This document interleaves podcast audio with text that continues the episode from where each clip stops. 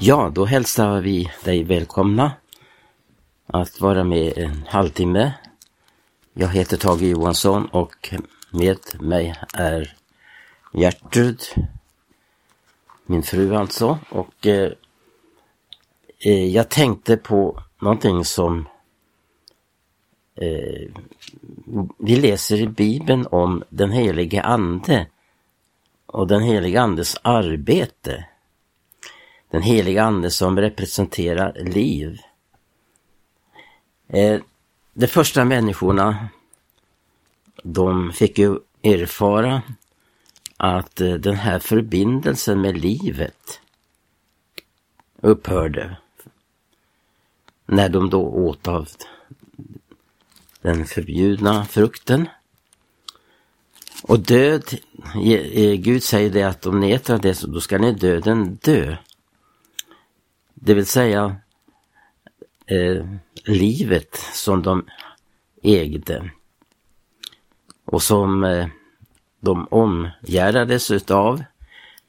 Lustgården var ju liv och övernog. Och där så upplever de både genom sig själva och sin omgivning hur livet härskar eller regerar hur den åstadkommer det här att de har gemenskap med Gud. Och upplever den här harmoniska förbindelsen med det Gud har skapat.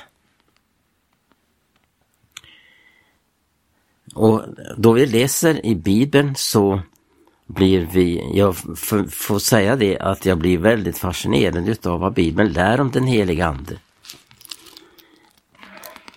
Kanske många har svårt det här med treenigheten, men Gud består i Fadern, Sonen och den helige Ande. Den heliga Ande, den uppträder i olika sammanhang och den är vi väldigt beroende utav. Eh, det handlar om till exempel att, eh, att eh, när Paulus undervisar så säger han att eh, om vi lever efter köttet ska vi dö. Men om vi lever livet i den heliga ande så ska vi leva. Det är den här livsförbindelsen med den heliga ande som jag skulle vilja stryka under i det här programmet. Hur nödvändigt det är att få uppleva att vi förbliver i den heliga ande, förnyas i den heliga ande. Därför så eh, upplever vi av Paulus undervisning att han är så angelägen om att understryka att man ska förnyas i den heliga Ande. Eh, det handlar om, inte vid något speciellt tillfälle, utan att leva i den heliga Ande. Därför skriver han så förnyas nu i den heliga Ande. Som han skriver i Fesebrevet. Så förnyas nu nu. Det är alltid ett nu.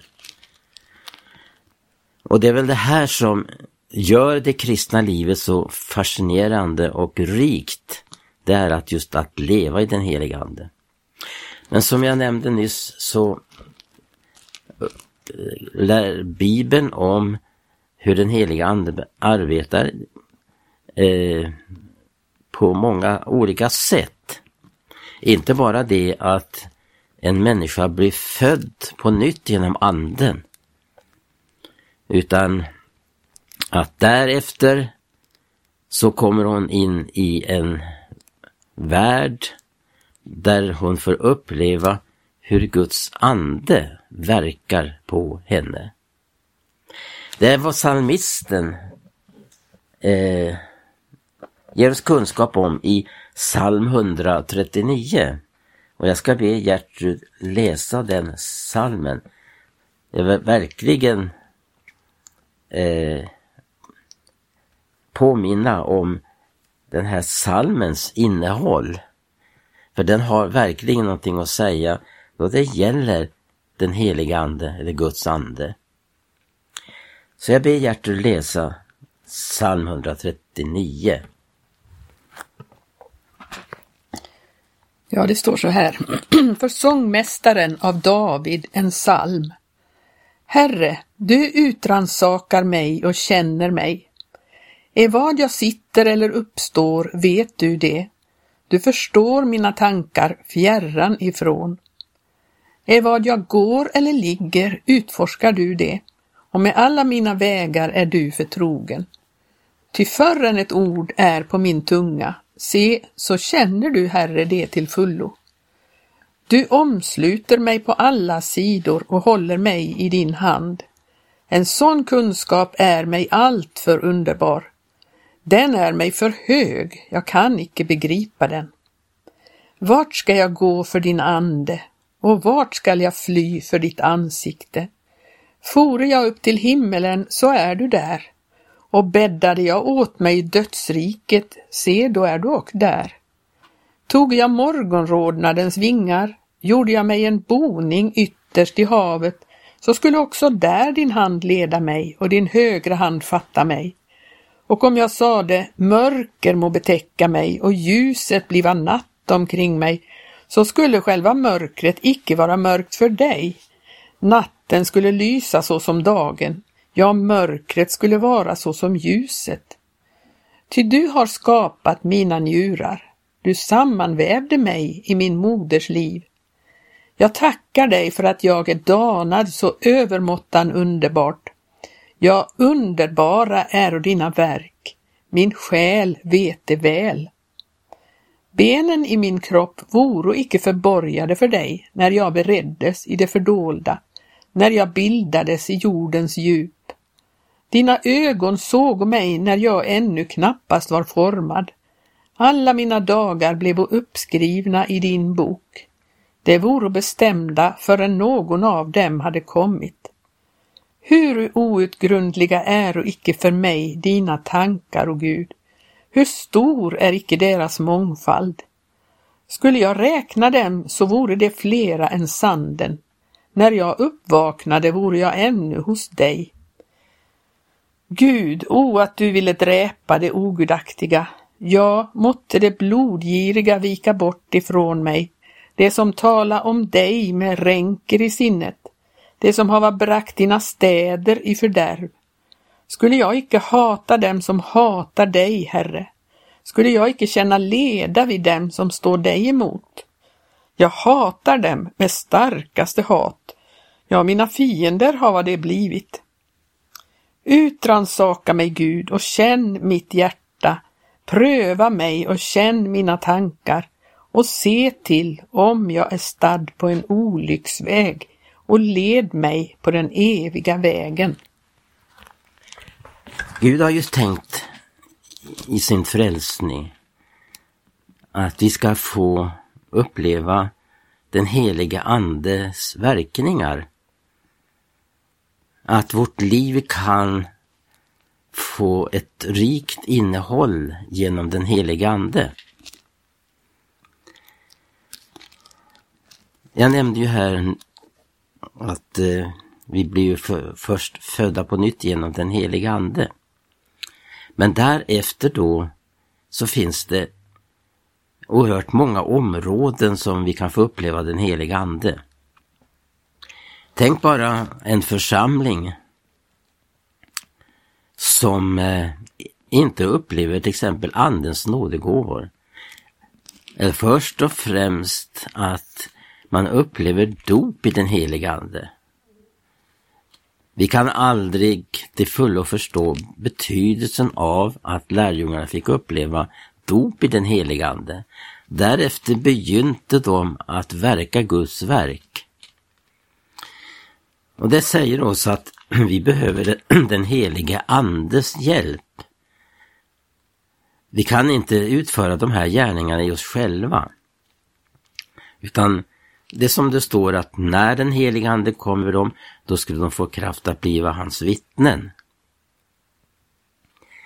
Och eh, i grundtexten står det mm, martyrer eller blodsvittnen. och det var ju det vad apostlarna och Herrens vittnen fick uppleva.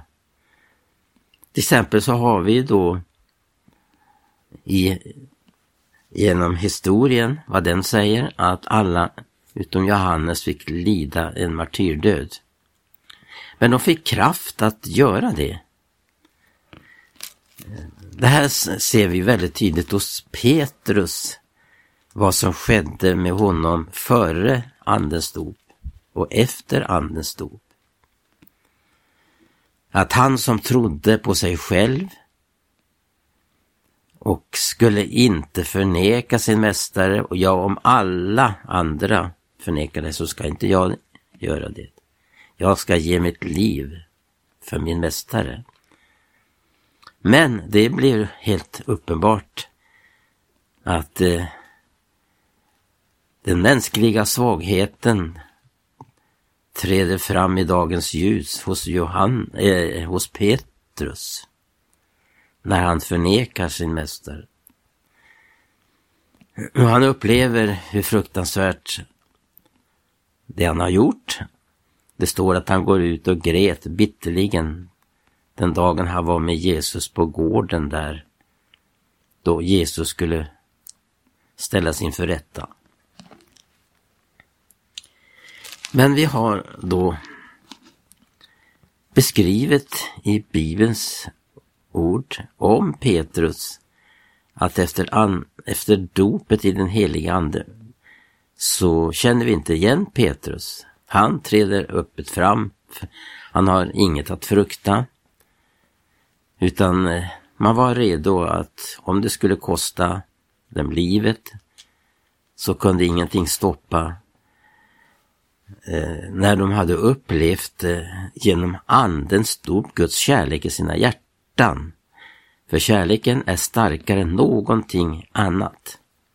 Ingenting förmår mot den gudomliga kärleken. Nej, det är som eh, Paulus skriver i Romarbrevet, vad ska kunna skilja oss från Kristi kärlek? Varken bedrövelse, hunger, nakenhet, svärd eller någonting annat kan skilja oss från Guds kärlek. Och det är väl så att då man upplever dop i den heliga Ande så fylls hjärtat av gudomlig kärlek. Och det är väl också viktigt i det här sammanhanget att påpeka om eh, hur man också upplever sitt andedop. Eh, oftast faktiskt blir det bara som en merit eller någonting som man har varit med om och så blir det inte så mycket mer. Men Gud hade ju tänkt att genom Andens dop vi skulle komma i en gudomlig funktion med våra liv. Jag nämnde att tänk en församling som inte har Andens gåvor. Andens gåvor är till för att de ska vara bruk. Det är Andens gåvor. Anden ger åt var och en gåvor. Och de är nödvändiga för att församlingen ska fungera. Det, det är ett område. Jag tänker på hur viktigt det är när vi läser till exempel det som vi ofta återkommer eftersom vi lever just i en aktuell situation med tanke på de tio jungfrurna. Katastrofen var ju just detta att man hade inte utrymme för den heliga ande. Man hade inte kärlet med sig. Och har man inte ett kärl då tar lampan, eh, kommer lampan att slockna. Och det är så viktigt att påminna om detta. Och det är väl det som kommer att avgöra när brudgummen kommer. Om, om de som är redo att gå in med honom i bröllopssalen, det är ju de som har olja i kärl och lampa. Och vi vet ju att eh, eh, den, oljan där är ju en bild på den helige ande. Det är allvarligt detta om vi inte vårdar andens liv.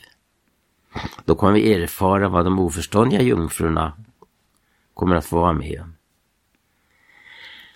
Det finns ah, olika områden som sagt som vi upplever den heliga ande. Jag kan återge vad jag läste om en eh, broder som verkligen levde för Gud. Och som ansåg det så nödvändigt att vara fylld av den heliga Ande. Och han erfar, erfor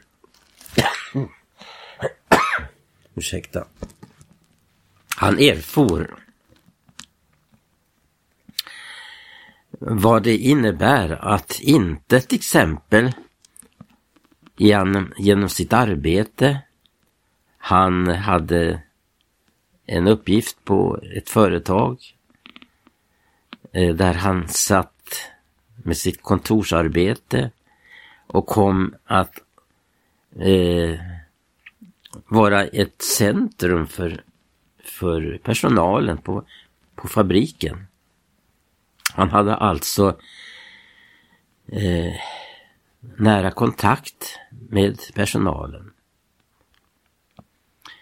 Och han upplever att då han försummade att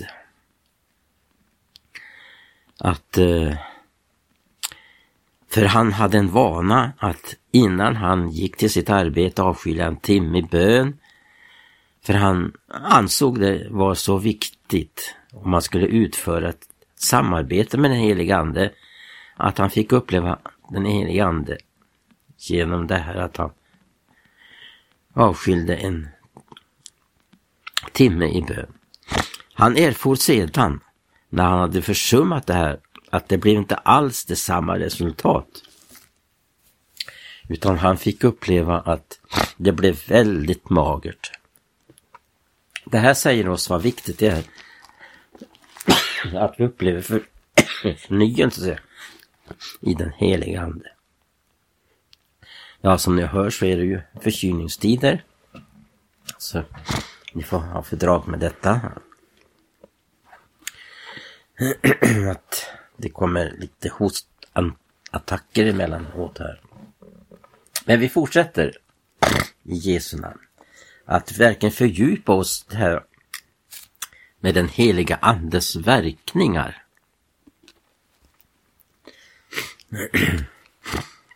Det finns till exempel, som jag nyss gav ett exempel på, hur viktigt det är att vi förnyas i den heliga Ande så vi har ett samarbete med den heliga Ande som denne broder hade. Men som han också upplevde att försummade. Det är just det här att söka, att avskilja sig för att eh, förnyas i den heliga Ande. Hur vårt sinne blir, kan bli uppfyllt av den heliga Ande. Sinnet är ju inkörsporten av allt det som vi möter i den här världen. Till exempel. Hur vi kan leva ett avskilt liv från världen, det, det sker ju genom den heliga Andes liv och verksamhet. Att den förnyar våra sinnen. Och eh, eh Romarbrevet 12 lär ju, lär ju att då vi frambär vår, åt, vår kropp åt Gud som ett levande välbehagligt offer så kan vi utföra vår andliga tempeltjänst. Vi kan uppleva och känna vad som är välbehagligt för Gud till exempel. Vi får en andlig känsla. Vi ska inte vara som det fanns i Korint, kötsliga kristna, utan vi ska vara andligen, andligt kristna. Och det här med andens liv, det, det är så rikt. Så vi tänker till exempel om vi rör oss på det här området med att vinna människor för Gud så är det så nödvändigt att vi verkligen har en känsla för vad den heliga Ande vill göra. När vi träffar människor som vi kanske vid många tillfällen kanske bara träffar en enda gång i livet. Men att vi har då genom att leva andens liv får uppleva att den heliga Ande leder oss in i samtal, sammanträffande med människor som eh, vi har upplevt att, och vi upplever att eh, vi genom den heliga Ande får vara ledda.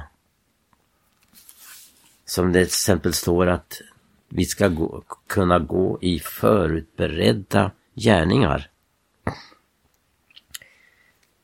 När man läser Apostlagärningarna så får man det här vittnesbördet att det apostlarna utförde, det utförde de genom den heliga Ande. De var hela tiden beroende av den heliga Ande. Och så länge de var beroende av den heliga Ande så kunde de få uppleva att de fick utföra Guds gärningar. Och hur Gud kunde stadfästa sitt ord med åtföljande tecken och under. Men i det här eh, med den helige Ande, vad Bibeln är, så är det också väldigt viktigt i vår tid att vi inte öppnar oss för vilka andar som helst. Därför uppmanar ju Johannes att vi ska pröva andarna, huruvida det är för Gud. Och Det handlar om gåvor, de som har gåva att skilja mellan andar är en väldigt viktig uppgift i Guds levande församling. Men också att eh, kunna pröva huruvida andarna är från Gud. Jesus talar ju och han varnar för att det kommer olika ting i den sista tiden. Många olika andeströmningar. Och där är det viktigt att då verkligen vara en bibelläsare som man känner till ordet. Därför att om det vi upplever på det andliga området att eh, det inte stämmer med Guds ord, då är det inte från Gud. Men vi kan pröva oss och uppleva genom att vi prövar allting inför Guds ord. Där avgörs det, för den heliga Ande arbetar aldrig utanför ordet, utan det är helt avgörande för oss att känna till vad Bibeln säger om olika ting, så behöver vi inte gå på den minan. Ja, det var några ord här om vad den heliga Ande betyder för oss. Och som vi läste då i psalm 139 så finns Guds ande överallt. Men få upplever just den här förbindelsen med den helige Ande som är så viktig. Ja, jag nämnde här, hela apostlagärningarna talar ju om att apostlarna var ledda av den helige Ande. Och det var det som var avgörande för dem att utföra Guds gärningar. Ja, vi får avsluta där då och eh, tiden har gått. Men eh, vi återkommer Bibeln är en intressant bok och det var inte förutan att man förr i tiden kallade Guds folk för läsare. De läste Bibeln så mycket. Gud välsigne dig. Vi på återhörande säger vi här.